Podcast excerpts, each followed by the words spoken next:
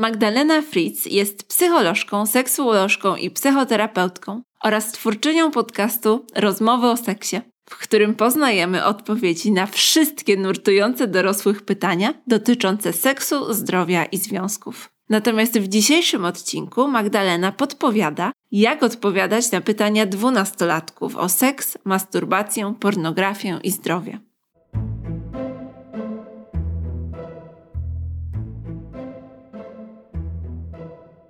Nie mam dzieci. Nie jestem psycholożką ani edukatorką seksualną. O intymności wciąż się uczę. Dlaczego zatem podcast o edukacji seksualnej? Bo głęboko wierzę w bezpieczną przyszłość, że dzięki wiedzy przestajemy się bać, wstydzić, zaczynamy odróżniać przekonania od faktów, że edukacja jest drogą do prawdziwej, trwałej wolności. I wierzę też, że o intymności najwięcej uczymy się od naszych najbliższych, rodziców i opiekunów. Dlatego to właśnie Wam dedykuję tę audycję. W tym podcaście usłyszysz rozmowy z 19 psycholożkami, seksuolożkami i edukatorkami seksualnymi. Poznasz odpowiedzi na ponad 300 prawdziwych pytań zadawanych przez dzieci i nastolatki. Dowiesz się też, jak rozmawiać z dziećmi o dojrzewaniu, relacjach i seksie. Jak w bezpiecznych warunkach dać im najcenniejszą rzecz wiedzę, a tym samym bezpieczeństwo i zdrowie. Pamiętaj również, że zastosowany podział według wieku jest umowny. Wybrane pytania mogą pojawić się wcześniej lub później, bo każde dziecko rozwija się w swoim indywidualnym tempie. Zapraszam do słuchania.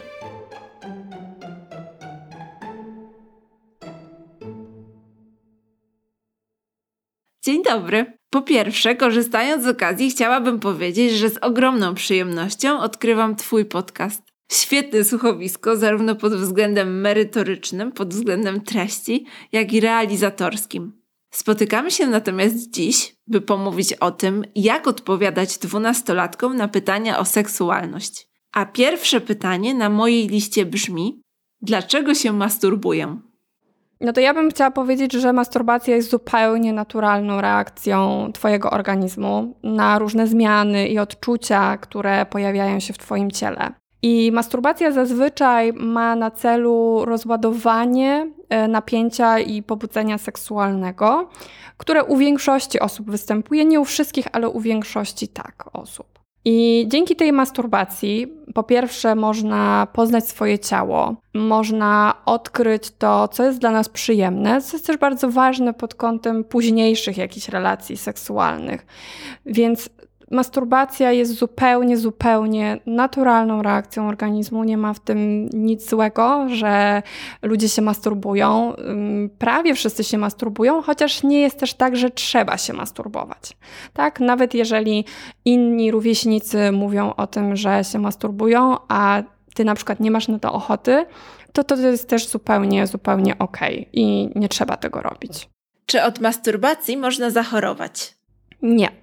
Od masturbacji nie można zachorować. E, kiedyś były takie mity, że od masturbacji można stracić wzrok albo odpadną nam ręce i kończyny. Nie, absolutnie od masturbacji nie można zachorować. Jedyne, co bym tutaj dodała, to to, że należy zwracać uwagę, czy ta masturbacja w jakiś sposób nie wpływa negatywnie na nasze ciało. To znaczy, czy ona na przykład nie jest zbyt intensywna i na przykład nie pojawiają się jakieś otarcia albo uszkodzenie ciała czy genitaliów.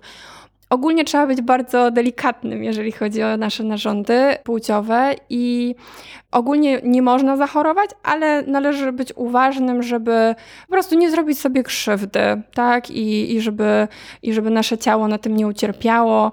E, też mm, na przykład jeżeli chodzi o chłopców, no to też mm, nie wkładać sobie na przykład niczego do penisa, tak? Czyli żeby ta masturbacja była, e, ona jest zupełnie naturalna, ale jeżeli e, są niektóre elementy tej masturbacji, które mogą być dla nas niebezpieczne i wtedy po prostu trzeba, no trzeba na to uważać. Wspomniałaś, że temat masturbacji jest owiany wieloma mitami. Skąd Twoim zdaniem się one biorą? Myślę, że dużo mitów związanych z masturbacją jest jednak powiązana z z jakimiś y, przekonaniami takimi moralnymi, ale również powiązanymi z wiarą, tak? No bo wiemy o tym, że przez y, niektóre religie masturbacja nie jest akceptowana.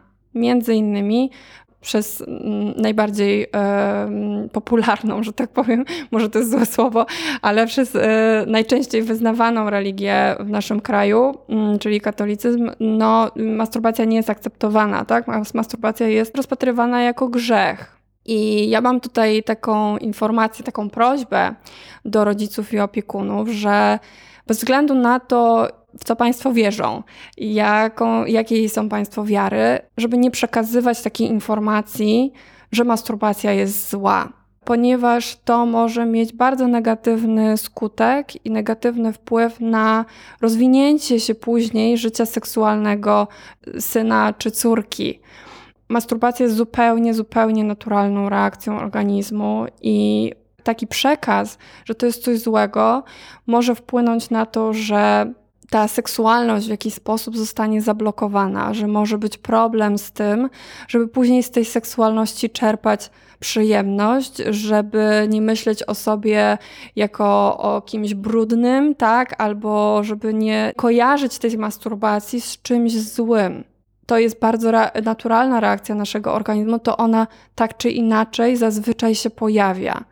Więc jeżeli my przekażemy taki komunikat yy, dziecku, że masturbacja jest zła, to ono wtedy będzie odczuwało wstyd w związku ze swoją seksualnością, będzie myślało, że nie wiem, jest złym człowiekiem, że się masturbuje, a tak naprawdę jest to coś zupełnie w zgodzie z naszą naturą.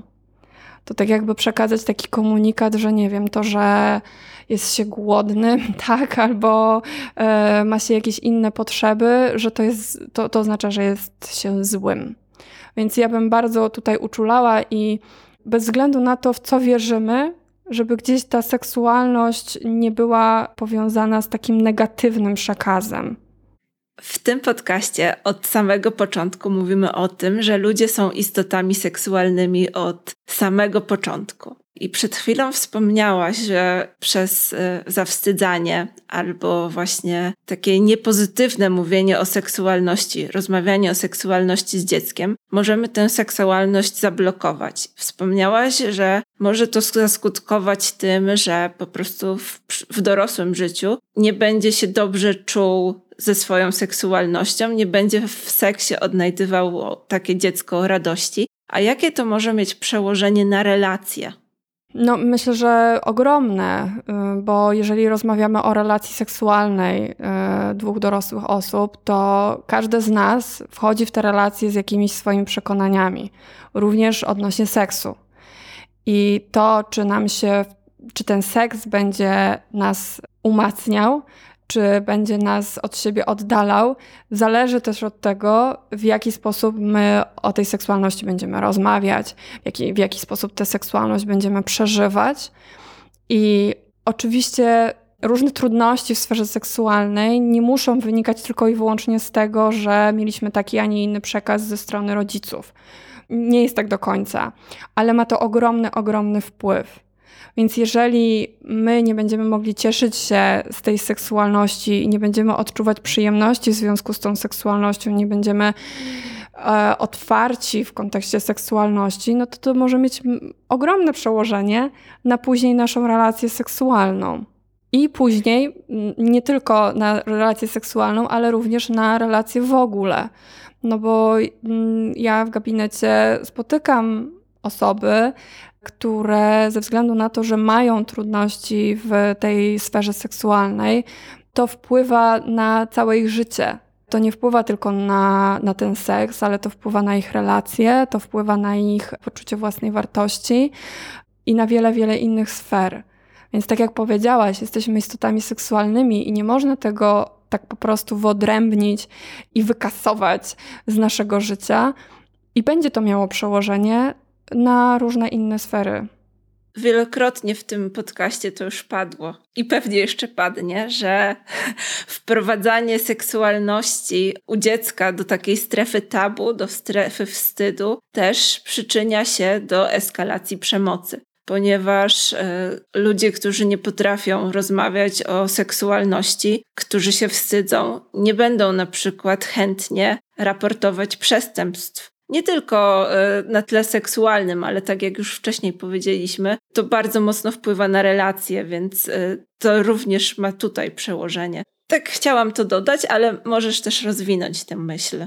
To jest bardzo ważne, co powiedziałaś, ponieważ edukacja seksualna nie ma na celu tylko i wyłącznie edukować odnośnie tego, w jaki sposób mieć przyjemność ze sfery seksualnej, czy y, w jaki sposób można się rozwijać w tej seksualności, czy żeby myśleć o tym, że jest to normalne, ale ona ma na celu również nie o wiele większy, ale równie ważny element tego, o czym powiedziałaś, czyli bezpieczeństwa. Jeżeli my nie wiemy, jakie są nasze prawa, jakie mm, możemy mieć granice w kwestii seksualności, to nie będziemy wiedzieli, w jaki sposób e, reagować.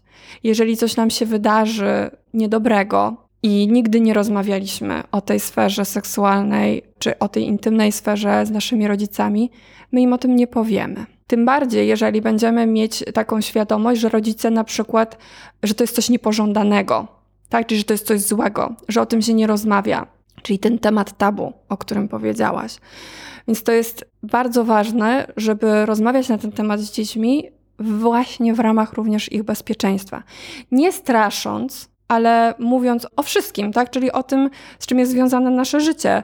Czyli ta sfera seksualna, ona może być równie dobrze piękna i przyjemna, ale y, może się też coś w niej takiego zadziać, co będzie wbrew nam i tak podejrzewam, że większość rodziców, jak nie wszyscy, jednak chcieliby być tym pierwszym kontaktem dla dziecka, które czegoś by doświadczyło w kontekście przemocy seksualnej, bo chciałoby tam być dla nich i chciałoby być tą pierwszą bliską osobą, która im w takiej sytuacji pomoże.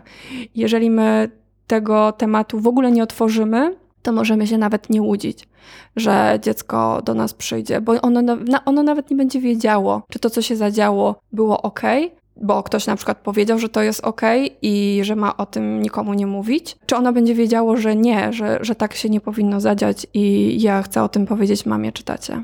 Tak, bo nie wiem dlaczego, ale wiele osób e, w Polsce ma przekonanie, że edukacja seksualna sprowadza się do tego, co, gdzie i kiedy włożyć lub wyjąć, a prawda jest zgoła inna, że edukacja seksualna traktuje seks jako jedną z ważniejszych dziedzin naszego życia, bo dotyczącą naprawdę każdego człowieka, ale też tego, jak on, jak seks wpływa na inne obszary naszego życia, właśnie na nasze bezpieczeństwo, na budowanie relacji. I też mam nadzieję, że ten podcast i tematy, w jakie w nim poruszamy, trochę zmieni to postrzeganie, bo mówimy tutaj naprawdę nie tylko o biologii, ale mówimy dużo o relacjach, mówimy dużo o bezpieczeństwie, mówimy dużo o zdrowiu też. Więc y, tutaj mam naprawdę ogromną nadzieję, że nasi słuchacze, przynajmniej to będzie dla nich inspiracja do szukania szerzej i głębiej. Ale jak jesteśmy już przy biologii, to zapytam, jak zbudowane są żeńskie narządy rozrodcze? To przy tym punkcie ja bym jeszcze taką, taką gwiazdkę zrobiła, że fajnie by było, jakbyśmy mogli to pokazać na jakimś rysunku. No bo jak tak powiemy na sucho, to może być to trudno drugiej osobie do zrozumienia i do, do zobaczenia, co jest czym tak naprawdę. Więc fajnie zawczasu sobie przygotować jakąś, jakiś właśnie rysunek, czy jakąś rycinę, czy, czy jakąś książkę, która nam po prostu w tym pomoże. Bo ja myślę, że to jest też ważne, żeby rodzice wiedzieli, że to nie jest tak, że musimy znać odpowiedzi na te pytania już od razu. Możemy na przykład powiedzieć dziecku, wiesz co, ym, nie do końca wiem, nie jestem pewien, nie jestem pewna, ale sprawdzę to i do ciebie w, z tym wrócę. I to jest niesamowicie ważne, więc e, wracając już do, e, do pytania, to zewnętrzne narządy płciowe kobiety to jest wzgórek łonowy, wargi sromowe mniejsze i większe, chociaż w ostatnim czasie idzie to w takim kierunku, że żeby używać yy, sformułowania wargi sromowe wewnętrzne i zewnętrzne, bo to, co jest mylnie też rozumiane przez niektóre osoby, to to, że te wargi sromowe mniejsze nie mogą być, wystawać poza te wargi sromowe większe, no bo skoro skoro nazwa wskazuje, że są mniejsze, no to powinny być mniejsze. A tak naprawdę anatomia kobiety tak nie wygląda i bardzo wiele kobiet ma te wargi stromowe mniejsze wystające poza większe, więc warto też o tym powiedzieć, e, żeby po prostu e, dziewczynka wiedziała, że po prostu to jest normalne, tak? E, no i mamy jeszcze łechtaczkę, ujście cewki moczowej i ujście pochwy, a wewnętrzne części to pochwa, macica, jajniki i jajowody. Analogicznie, jak zbudowane są męskie narządy rozrodcze. E, zewnętrzne e, części narządów e, męskich to prącie, penis i moszna, w zależności od tego, jakiego też używamy słownictwa, no ale to są bardziej takie, bym powiedziała, biologiczno-medyczne, tak, sformułowania. No i wewnętrzne, czyli jądra, najądrza, nasieniowód i cewka moczowa. Jak uprawia się seks? No i tutaj dochodzimy trochę, y, y, nawiążę do tego, o czym powiedziałaś, tak, że seks to nie jest tylko penetracja, pochwa, penis. Bo y, i to jest bardzo ważne, jeżeli będziemy przekazywać taką informację dzieciom czy nastolatkom, ponieważ rozumienie seksu jako tylko penetracji może być po prostu krzywdzące. Po pierwsze, może być krzywdzące dla osób, które nie są orientacji heteroseksualnej, po drugie, może być tak, że dzieci, które, czy nastolatkowie, którzy będą mieli kontakt z pornografią, mm, na przykład nie będą w taki sposób widzieć seksu oralnego. A seks oralny również jest częścią seksu. Czyli to, do czego ja bym zachęcała, to żeby mówić o seksie jako o takiej aktywności seksualnej, która jest świadomie podejmowana w celu budowania i rozładowania pobudzenia napięcia seksualnego. Te kontakty seksualne również są za zgodą. Czyli seks nie jest tylko penetracją, może być to również, nie wiem, seks analny, może to być seks oralny. Wszystkie te aktywności wokół tego kontaktu seksualnego również są seksem. Co to jest wytrysk? Wytrysk jest y, inaczej nazywany też ejakulacją, więc z takim terminem też można się spotkać. Więc wytrysk to jest taki wyrzut nasienia spermy z prącia, penisa, z jąder, e, prostaty i pęcherzyków nasiennych przez cewkę moczową. To jest bardziej taki już dokładny opis, tak? Ale można powiedzieć, że to jest po prostu wyrzut spermy, nasienia e, z penisa. I wytrysk zazwyczaj pojawia się wskutek stymulacji seksualnej. I ta stymulacja seksualna może być zarówno w kontakcie z drugą osobą, ale może być też poprzez masturbację, ale może, może też do wytrysku dojść podczas e, snu i wtedy mówimy o polucjach nocnych i to też się zdarza. I to jest taki mimowo, mimowolny, e, tak, podczas snu wytrysk. E, nie musi to być związane z żadnym pobudzeniem seksualnym, to jest po prostu taka naturalna reakcja organizmu i to może się wydarzyć, ale nie musi. Więc to chyba już wszystkie, wszystkie informacje na temat wytrysku. Uśmiecham się, bo e, mówimy dużo o polucjach nocnych w jednym z, z poprzednich odcinków i moja rozmówczyni na, nazwała e, polucje nocne pojawiające się zaraz na początku u nastolatków jako takie testowanie trochę organizmu, że kiedy wyłącza się w śnie nasza świadomość, to nasz organizm sprawdza sam, czy jest zdrowy i czy wszystko z nim jest w porządku. I bardzo mi się spodobało to e, porównanie do gry, bo też to jest taki fajny język, którym można mówić do nastolatków, który oni rozumieją. Przechodzę teraz do kolejnego pytania. Czy trzeba mieć żonę lub męża, aby uprawiać seks? Nie trzeba. Seks można uprawiać bez względu na to, czy jest się w relacji małżeńskiej, czy nie. Oczywiście tutaj ponownie wracamy do tego, w co się wierzy, ponieważ e, niektóre osoby nie podejmują ze względu na swoją wiarę mm, kontaktów seksualnych przed ślubem i to jest również ok, jeżeli to jest w zgodzie z nimi, ale ogólnie nie trzeba być w związku małżeńskim do tego, żeby uprawiać seks. Są pary, które nie są w związku małżeńskim, są też pary homoseksualne, które uprawiają seks, a jak wiemy w naszym kraju w tym momencie nie mogą takich, nie mogą sformalizować swo, swojej relacji, więc absolutnie nie jest to e, jakiś wymóg, ale tak jak mówię, to zależy też od tego, w co wierzymy. E, ale gdybym ja miała przedstawić taką informację e, swojemu dziecku, to powiedziałabym, że nie, nie trzeba. W naszej rozmowie pojawia się wiele takich mitów związanych z seksem, które wynikają z religii. I my, jako że byliśmy wszyscy wychowani w Polsce, w katolickim kraju, powinniśmy naprawdę włożyć dużą pracę w to, żeby rozróżniać te nasze przekonania, które wynikają z wiary, od y, faktów naukowych i po prostu takiej ogólnej prawdy o świecie, która nie jest związana z religią. I, I myślę, że dla każdego z nas w naszym wieku to będzie takie naprawdę duże ćwiczenie, żeby to robić, ale warto to robić, bo to też nam pozwala trochę lepiej siebie poznać i trochę lepiej się poczuć w tej sferze seksualnej, nad którą niestety Kościół bardzo często chciałby przejąć kontrolę. Tak, ja myślę, że to jest niezwykle ważne do tego, żebyśmy też rozróżniali, co jest jakimś naszym przekonaniem i z czego ono może wynikać. Czy to jest właśnie wpływ tego, że wychowaliśmy się w katolickim kraju, czy to jest wpływ tego, co przekazali nam rodzice, czy to jest wpływ tego, co obejrzeliśmy, zobaczyliśmy kiedyś, więc to jest bardzo ważne, żeby sobie zadać takie pytanie, z czego te moje przekonania na temat seksualności wynikają. Absolutnie chciałabym, żeby to też jakoś wybrzmiało, ponieważ ja myślę, że tolerancja powinna być szeroka i być w różne strony, czyli mam tutaj na myśli to, że ludzie mają prawo wierzyć, ludzie mają prawo podejmować decyzje pod kątem swojej wiary i tego, co uważają za słuszne, ale nie mają prawa tego wymagać od innych. I nie mają prawa narzucać tego innym osobom i w drugą stronę również. Więc to jest bardzo ważne to, o czym mówisz, żeby odróżnić te fakty medyczne, czy to, co my wiemy z nauki, czy z dziedziny seksuologii, medycyny itd., tak itd., tak a co jest już z innego, z innej sfery, czyli na przykład ze sfery wiary, i wtedy to już jest nasza decyzja, co my z tym zrobimy.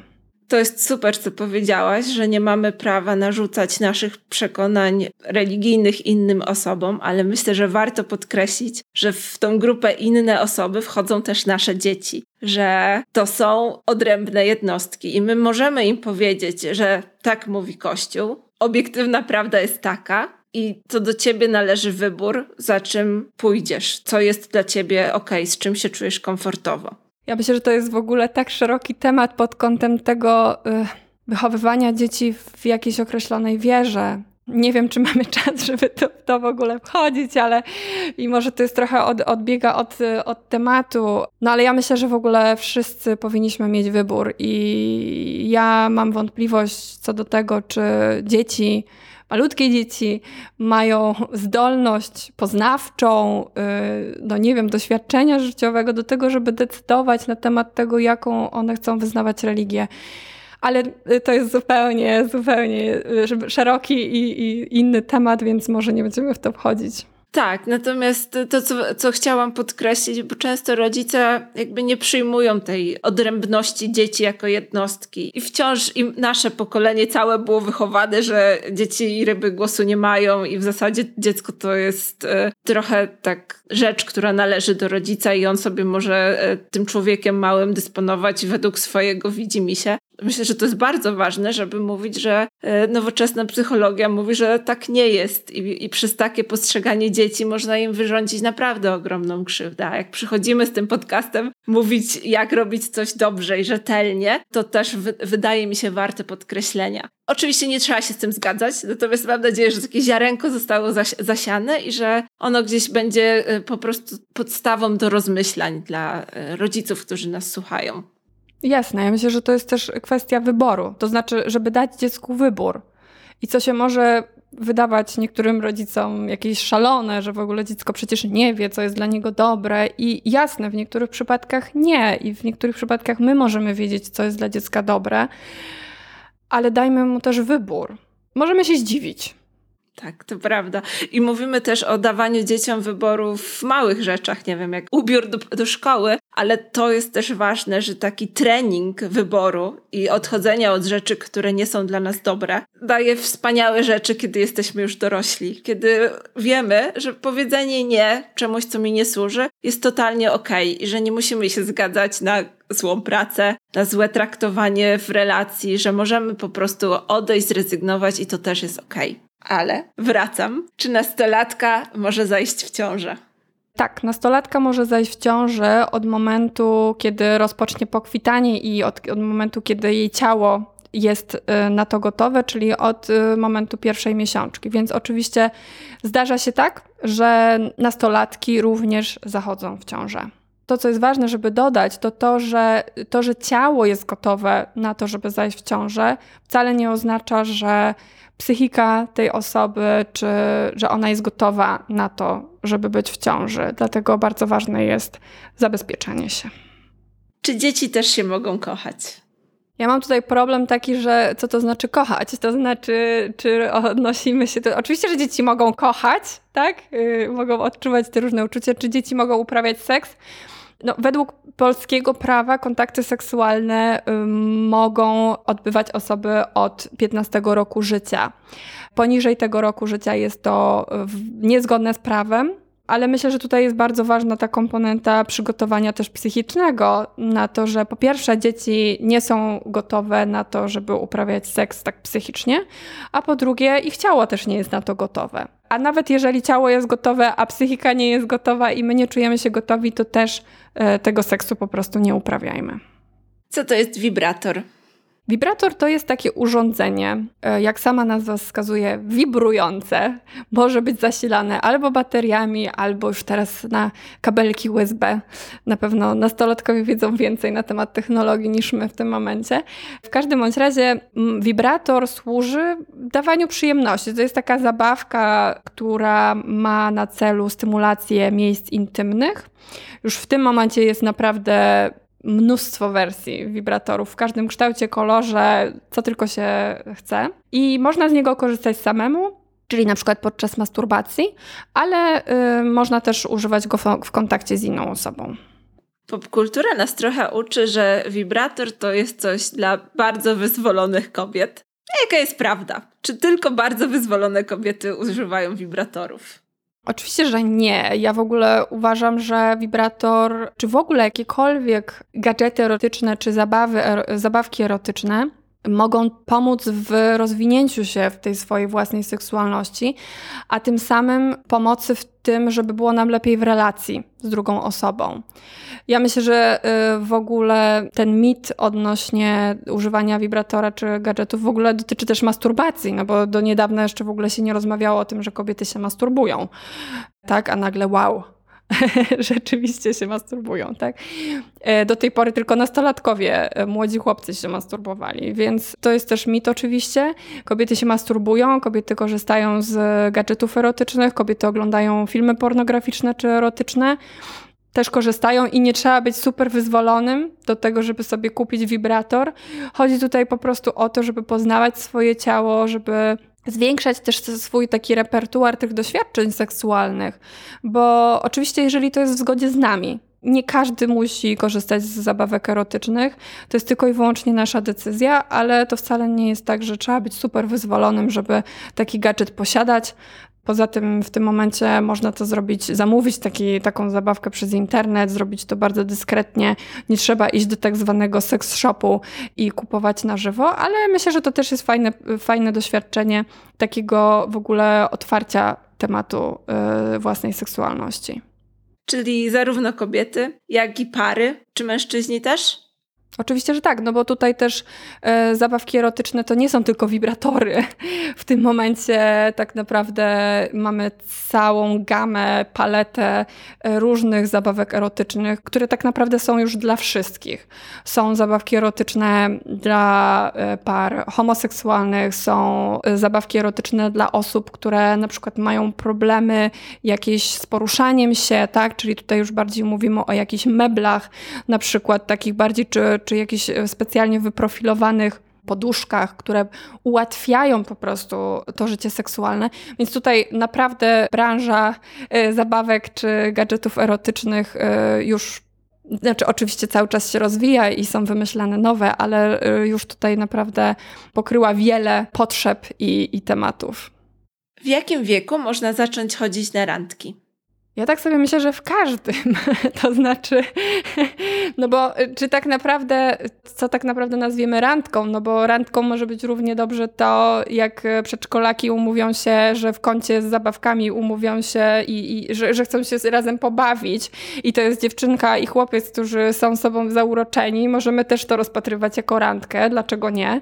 Albo kiedy, nie wiem, dziecko w szkole podstawowej przyjdzie i powie, że chce iść na pizzę z koleżanką, która mu się podoba podoba, to też może być randka, tak? Więc myślę, że nie ma, nie ma jakiegoś, nikt nigdzie nie zapisał, od kiedy można chodzić na randki.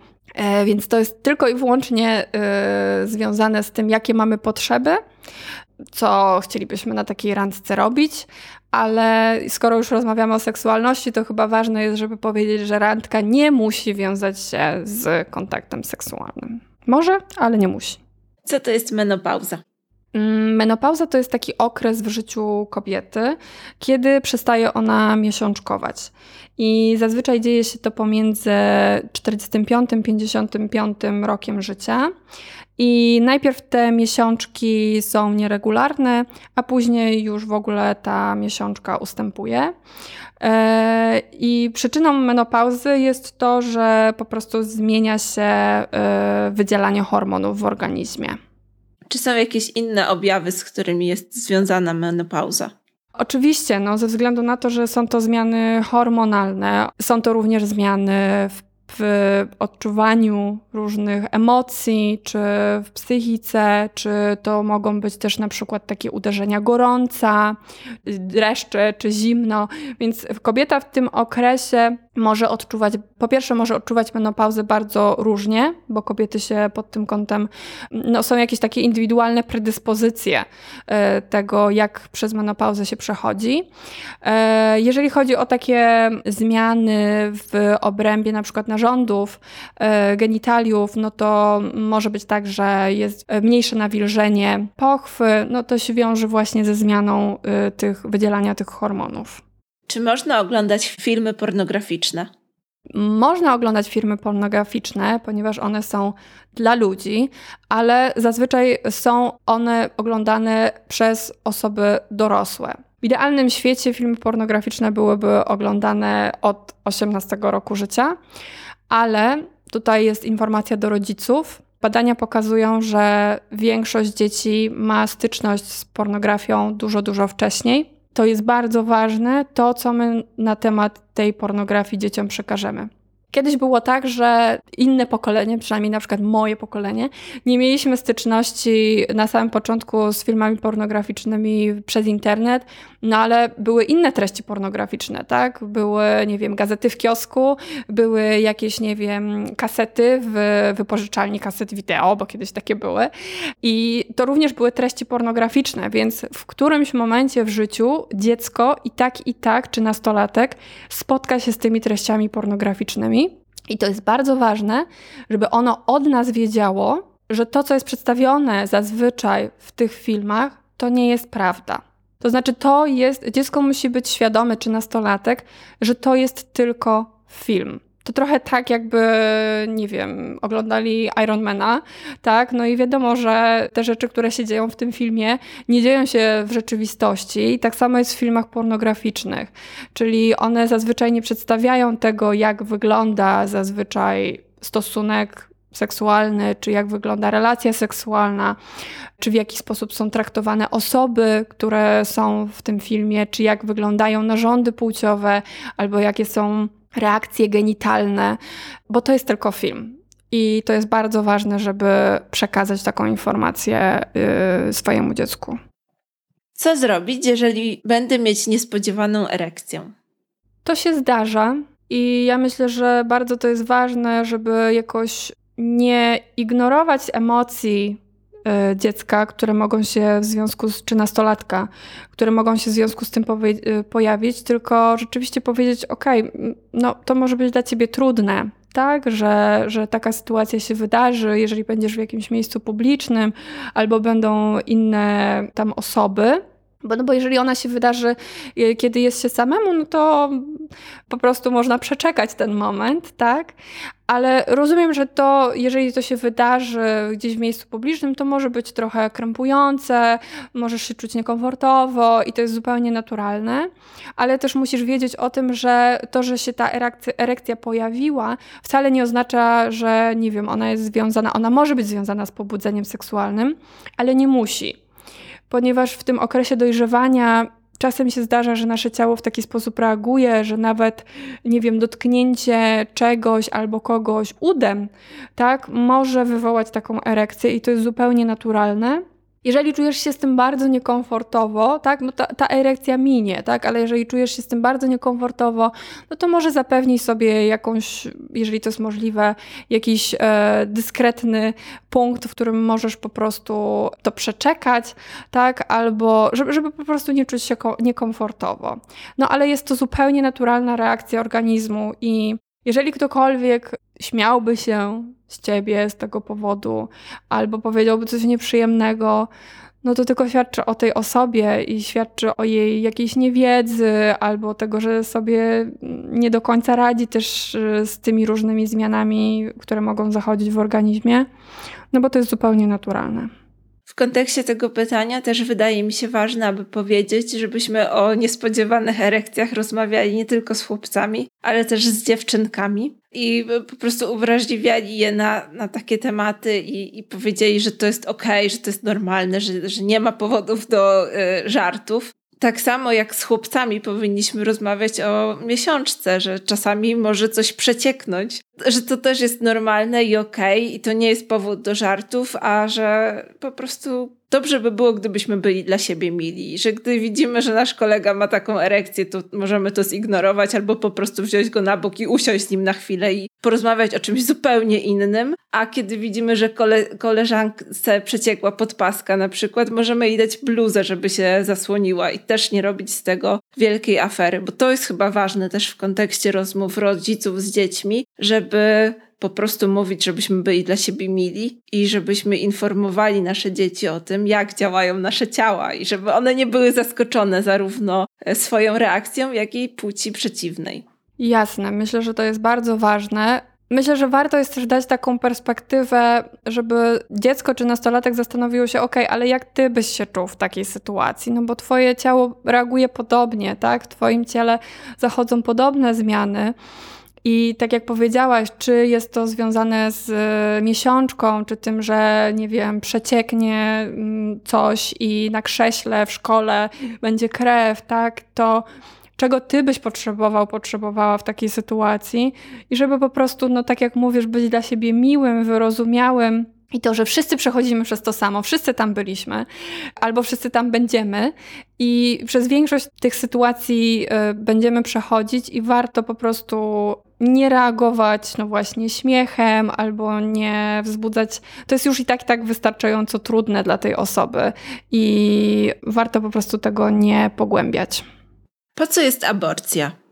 Bardzo bym powiedziała, no, na czasie w tym momencie pytanie. Więc ja tutaj odpowiem na to pytanie. Wiem, że ten temat religii czy wiary powraca, ale ja odpowiem bardziej z takiego punktu i medycznego, i punktu psychologicznego, czyli z tego, jak ja to rozumiem i to, jaką ja bym na przykład informację przekazała. Więc e, aborcję wykonuje się wtedy, jeśli jest zagrożenie życia lub zdrowia kobiety. Aborcję wykonuje się również, jeżeli lekarz stwierdzi, że płód e, ma jakieś wady czy nieuleczalne choroby. Aborcję wykonuje się również, jeżeli ciąża jest wynikiem zgwałcenia, bo to również się zdarza. I wtedy kobieta ma wybór e, związany z tym, czy taką ciążę chce zachować, czy nie. Ale aborcję można wykonać również wtedy, kiedy kobieta na przykład nie jest gotowa na to, żeby posiadać dziecko, żeby być w ciąży, albo z różnych innych powodów, dla których dziecka po prostu nie chce mieć. E, a tych powodów może być bardzo, bardzo dużo. E, ja wychodzę z założenia, że zgodnie z prawami seksualnymi ustalonymi przez WHO. Każdy z nas ma prawo do decydowania na temat swojego zdrowia seksualnego, na temat swojego ciała, e, na temat swojej przyszłości. A nie ukrywajmy, posiadanie dziecka i podejrzewam, że osoby, które będą słuchały tego podcastu, wiedzą, jak wielką odpowiedzialnością i jak wielką zmianą w naszym życiu jest posiadanie dziecka. I ja uważam, że każdy z nas powinien mieć wybór do tego, czego dla siebie chce w tej przyszłości i czy widzi w tej przyszłości na przykład dziecko.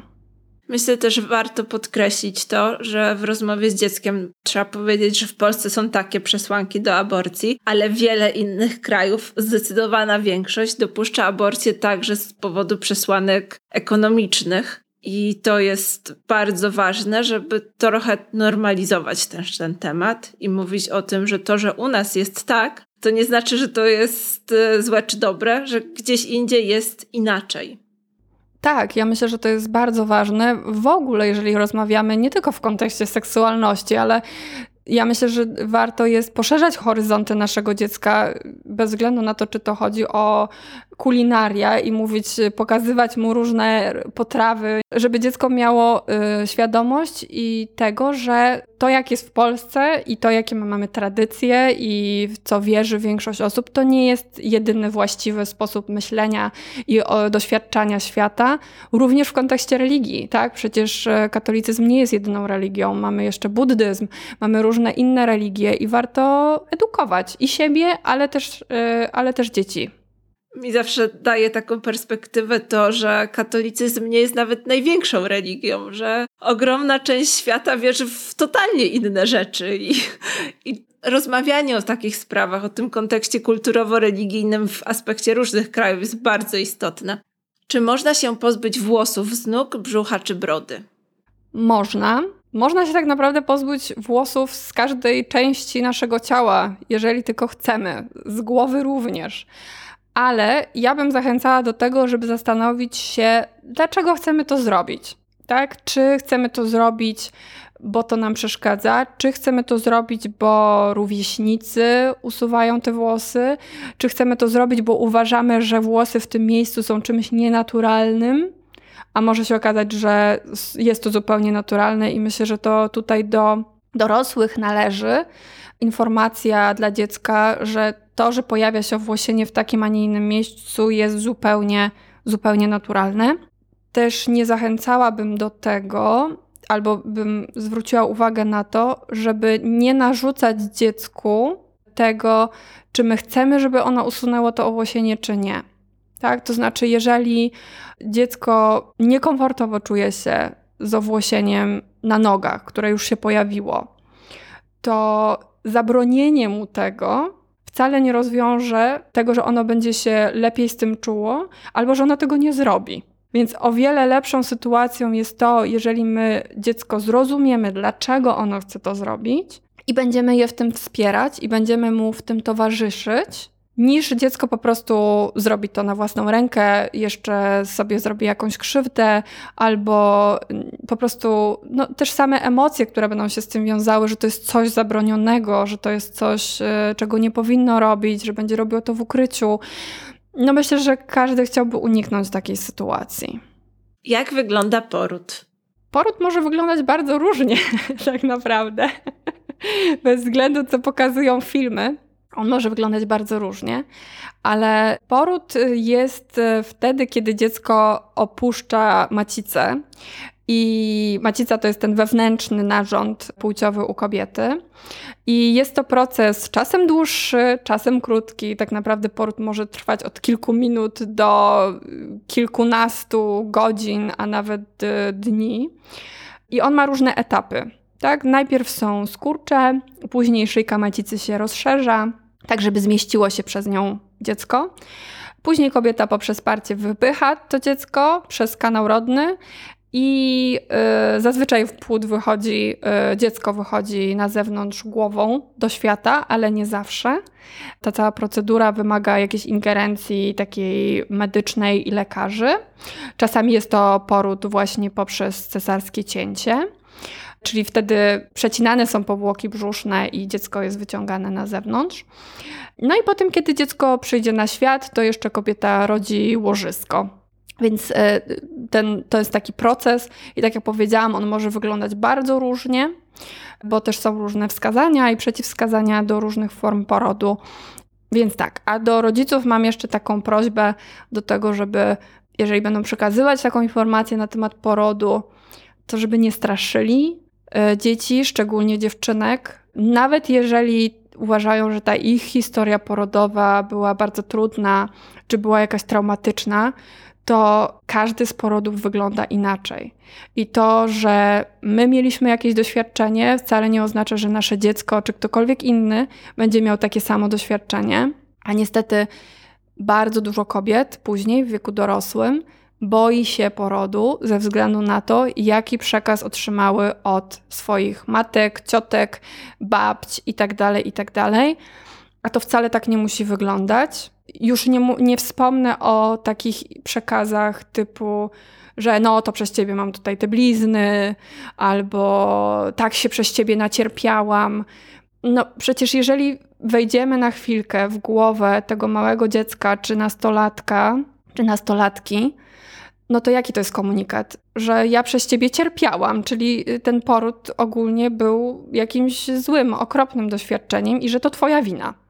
Bo mm, myślę, że to jest bardzo ważne, żeby y, wiedzieć, że dzieci, szczególnie te młodsze, one nie mają takiego poczucia że ich procesy poznawcze są dużo mniej zaawansowane niż nasze, tak? I mogą rozumieć to w zupełnie inny sposób. Czyli na przykład, jeżeli się ro rodzice rozstają, to dzieci bardzo często rozumieją to, że to jest przez nich na przykład, że oni coś złego zrobili.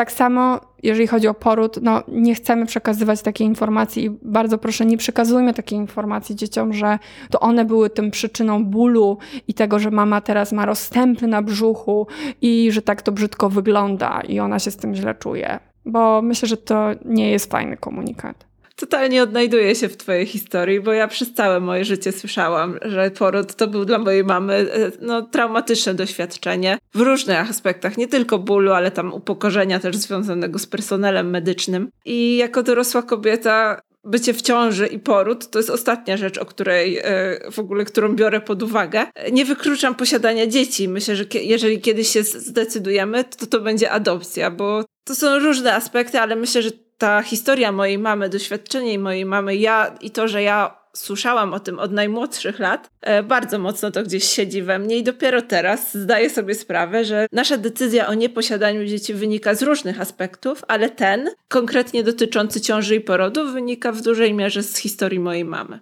Jasne, czyli doświadczyłaś tego na własnej skórze. Ja myślę, że w ogóle większość z nas doświadczyła tego yy, na własnej skórze to też nie chodzi o to, żeby przedstawić jakiś lukierkowy, cukierkowy obraz tego porodu, no bo wiadomo, że poród wiąże się z bólem, wiąże się z różnymi trudnymi sytuacjami. On może być traumatyczny.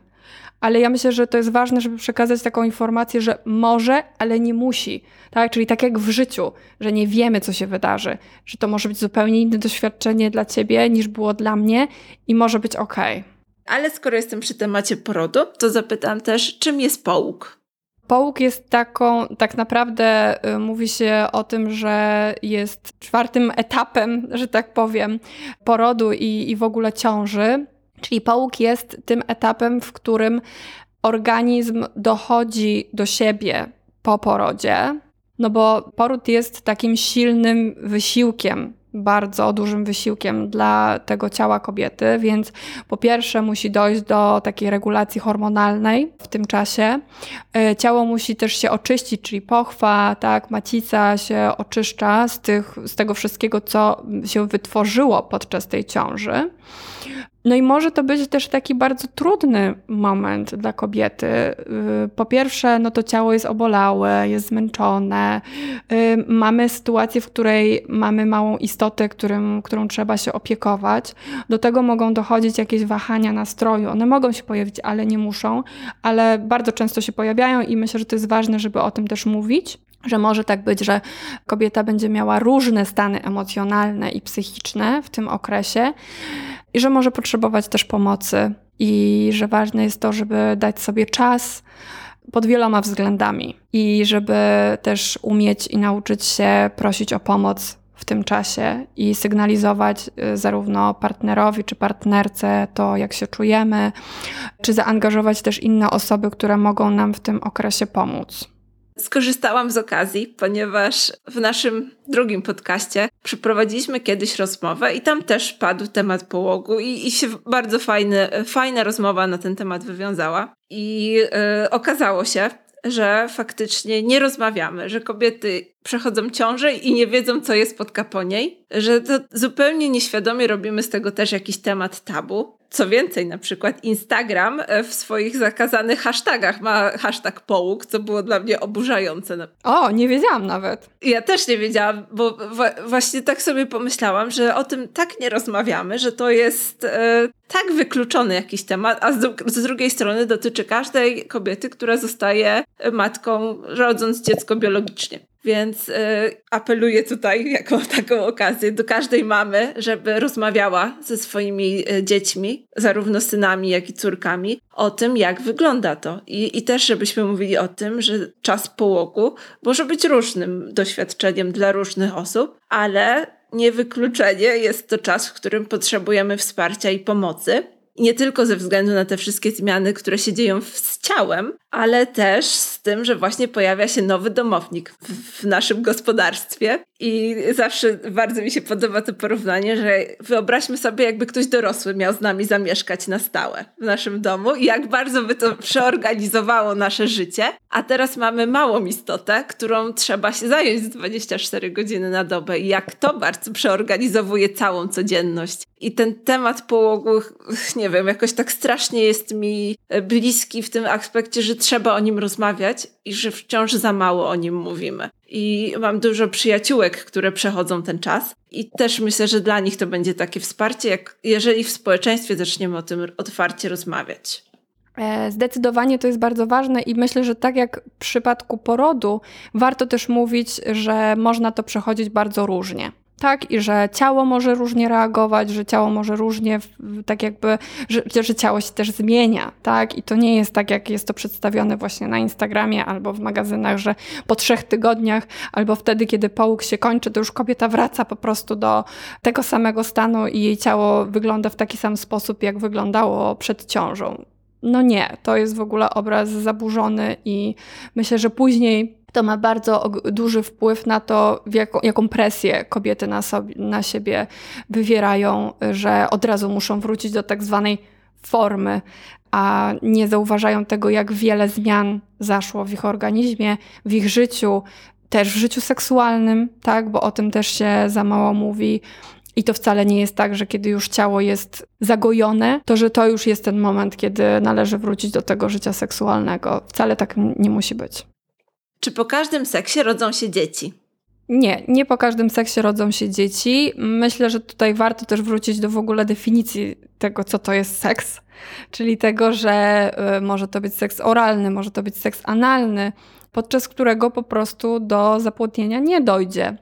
Ale też nie każdy seks kończy się ciążą z tego powodu, że y, można się zabezpieczać. Tak? I jeżeli stosujemy antykoncepcję, to wtedy nie na 100%, bo nigdy nie możemy mieć tej stuprocentowej pewności, jeżeli chodzi o antykoncepcję, ale y, no, na 99,9 w zależności od metody możemy być pewni, że z tego seksu nie urodzą się dzieci. Warto też powiedzieć, że wcale nie trzeba seksu, aby urodziło się dziecko, ponieważ mamy na przykład metody zapłodnienia in vitro dla par, które y, nie mogą mieć dzieci w sposób naturalny i to też jest ok. I to też jest normalna sprawa i metoda na posiadanie dziecka, jeżeli go pragniemy i chcemy. Tak, myślę, że to jest bardzo ważne, o czym powiedziałaś, że są różne inne metody, nie tylko poprzez ten kontakt seksualny czy poprzez penetrację, kiedy może dojść do zapłodnienia, to działa w dwie strony. Seks nie zawsze wiąże się z e, posiadaniem dziecka, a też posiadanie dziecka nie zawsze wiąże się z seksem. Myślę, że to jest też e, ważne, żeby powiedzieć, że to nie jest wcale tak, e, że to jest mit, że kobieta może zajść w ciąży tylko i wyłącznie w dni płodne ponieważ jednak ta zdolność do zajścia w ciąży, czyli wtedy, kiedy owulujemy, może się wahać. Tak, więc forma antykoncepcji, którą niektórzy, które osoby uważają za formę antykoncepcji, czyli prowadzenie kalendarza, tak, czy y, obserwacji swojego cyklu, nie jest, jest metodą po prostu bardzo ryzykowną. Powiedzieliśmy to Wtrącę to tylko, że powiedzieliśmy już w jednym z odcinków, że metoda kalendarzykowa, jak ją potocznie nazywamy, jest naturalną metodą planowania rodziny, a nie antykoncepcji, ponieważ jej skuteczność jest zbyt niska, aby uznać ją za antykoncepcję. Dokładnie tak. E, już nie mówię o stosunku przerywanym, który nie jest formą antykoncepcji. Tak, ponieważ w tym prejakulacie również mogą znajdować się plewniki i nie jest to w żaden sposób e, forma zabezpieczenia przed ciążą. Możemy też dodać, że plemniki, spermę można przenieść na przykład na palcach e, w głąb żeńskich narządów rozrodczych i w ten sposób również można zajść w ciążę. Dokładnie tak. Nie musi być to tylko i wyłącznie penetracja. Dlaczego ludzie nie chcą mieć dzieci? Ludzie nie chcą mieć dzieci z bardzo różnych powodów i myślę, że każdy może mieć bardzo inny powód. Trzeba było ich zapytać, tak, żeby tak naprawdę poznać, e, dlaczego takiej potrzeby nie mają, ale jest to zupełnie, zupełnie normalne i naturalne, bo po prostu nie każdy chce mieć dziecko, Nikt nie powiedział, że wszyscy mają mieć dzieci i jest to tylko i wyłącznie decyzja każdego z nas. Co to jest opryszczka narządów płciowych? Opryszczka narządów płciowych to jest taka choroba przenoszona drogą płciową i jest ona wywołana przez wirusa. I najczęściej do zakażenia dochodzi właśnie poprzez kontakt seksualny i do takich głównych e, objawów należą ból w okolicy narządów płciowych, swędzenie i pieczenie tych okolic intymnych, ale też takie pęcherze, pęcherzyki w okolicy krocza oraz narządów płciowych. Dlatego to jest tak bardzo ważne, żeby się zabezpieczać, ale też, żeby jeżeli jakiekolwiek objawy albo symptomy zauważymy u siebie niepokojące, to warto o tym powiedzieć właśnie albo rodzicowi, albo powiedzieć, że chcemy skonsultować się z lekarzem, żeby się absolutnie tego nie wstydzić. Czyli jeżeli zauważymy cokolwiek, co nas niepokoi, jakiekolwiek objawy, czy jakieś zmiany, które zaszły w, tym, w tych narządach, które nas niepokoją, to żeby o tym powiedzieć i no, dziecko musi się też czuć komfortowo w tej rozmowie, no ale myślę, że to w ogóle jest e, cały początek tego wszystkiego. I dlatego też o tym tutaj rozmawiamy, że jeżeli dziecko nie będzie się czuło komfortowo w rozmawianiu na temat swoich narządów, to nie przyjdzie, i nie przyjdzie i nie poprosi o pomoc, tylko na przykład zacznie wpisywać objawy w Google'a no i wtedy może tylko mm, zacząć przeżywać jeszcze bardziej silny lęk, wstyd z tym związany, a też no, nieleczone choroby, jak każde zresztą, ale szczególnie te narządów płciowych, mogą mieć po prostu bardzo poważne konsekwencje i y, należy się tym zająć. W najgorszym przypadku, no bo czasem tak się zdarza, że nadinterpretujemy pewne objawy, tak, że coś, co jest zupełnie naturalne, okazuje się, y, myślimy o tym, że to jest już objaw na przykład jakiejś choroby, ale czasem lepiej jest po prostu to sprawdzić i mieć wiedzę od specjalisty, czy zrobić sobie test, czy zrobić jakieś badanie i po prostu wiedzieć, że to jest na przykład zupełnie naturalne. I ja dodam tylko apel do rodziców, że infekcje intymne faktycznie najczęściej y, przechodzą za pomocą kontaktów seksualnych, natomiast nie jest to jedyna metoda zarażenia się, ponieważ możemy się zarazić y, korzystając z publicznej toalety albo od domowników. Więc jeżeli przychodzi do nas dziecko z taką informacją, z takim problemem, to nie możemy założyć, że ono jest aktywne seksualnie i robić z tego wielką aferę, tylko faktycznie trzeba go wesprzeć i poprowadzić przez leczenie, które też jest bardzo proste, ponieważ jest to często terapia antybiotykowa na przykład. Więc też nie ma co tutaj robić e, dalej wielkiej afery, tylko jest to jedno, tak jakbyśmy leczyli przeziębienie, tak samo się dzieje z infekcjami intymnymi. Zdecydowanie i też warto, y, jeżeli chodzi o choroby przenoszone drogą płciową, to też edukować dzieci, że nie wszystkie, y, że można posiadać daną chorobę, ale nie mieć objawów.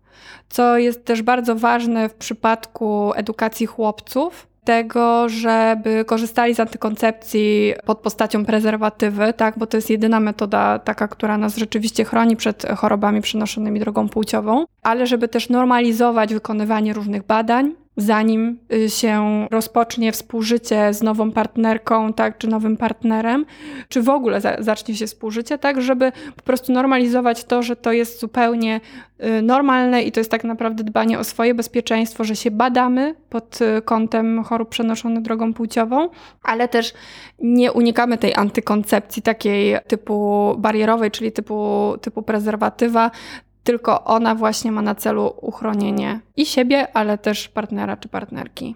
Ten temat jest tak szeroki i będziemy o nim jeszcze mówić, szczególnie w odcinku 15 tego podcastu, w rozmowie z 15-latkiem. Okej, okay, to wszystko z mojej listy. Ogromnie Ci dziękuję jeszcze raz za Twój czas, za wiedzę i że za to, że na Instagramie i, i w swoich różnych kanałach robisz świetną robotę. Dziękuję bardzo za, za zaproszenie i e, czekam z niecierpliwością i mam nadzieję, że e, ten projekt, którego się podjęłaś, czyli ten podcast, że on rzeczywiście pomoże wielu osobom i e, dorosłym, opiekunom, rodzicom w tym, żeby czuli się bardziej komfortowo w rozmawianiu na temat seksu w ogóle między sobą, ale też właśnie, żeby mogli przekazać z jakąś większą łatwością i lekkością, no bo też ważne, żeby powiedzieć, że te rozmowy nie muszą być jakieś super poważne i takie owiane jakimś, e, jakąś tajemnicą, wstydem, tylko że to mogą być po prostu normalne rozmowy przy obiedzie, przy jakiejkolwiek innej czynności i że to im po prostu pomoże w tym, żeby poczuć się trochę, trochę pewniej w tym wszystkim. Dziękuję. Dziękuję bardzo. Dobrego dnia życzę Ci i jesteśmy w kontakcie. Na razie.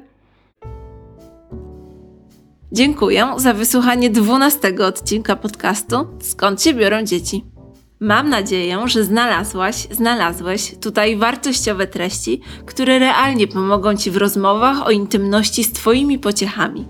W temacie rzetelnej edukacji seksualnej w Polsce jest wciąż wiele do zrobienia. Dlatego, jeśli chcesz dołożyć cegiełkę do powstania drugiego sezonu tego podcastu, Wpłać ją na portalu zrzutka.pl łamane na z łamane na skąd się biorą dzieci bez polskich znaków. Pamiętaj, że ogromnie nam pomożesz, jeśli podzielisz się linkiem do tego odcinka ze zaprzyjaźnionym rodzicem. Zajrzyj też na nasz profil Skąd się biorą dzieci na Instagramie i na www.skądsiebiorondzieci.edu.pl, gdzie znajdziesz jeszcze więcej edukacyjnych treści. Partnerem sezonu pierwszego podcastu Skąd się biorą dzieci jest nowyinternet.pl. Dostawca hostingu, domeny, poczty oraz strony www dla Ciebie i Twojego biznesu.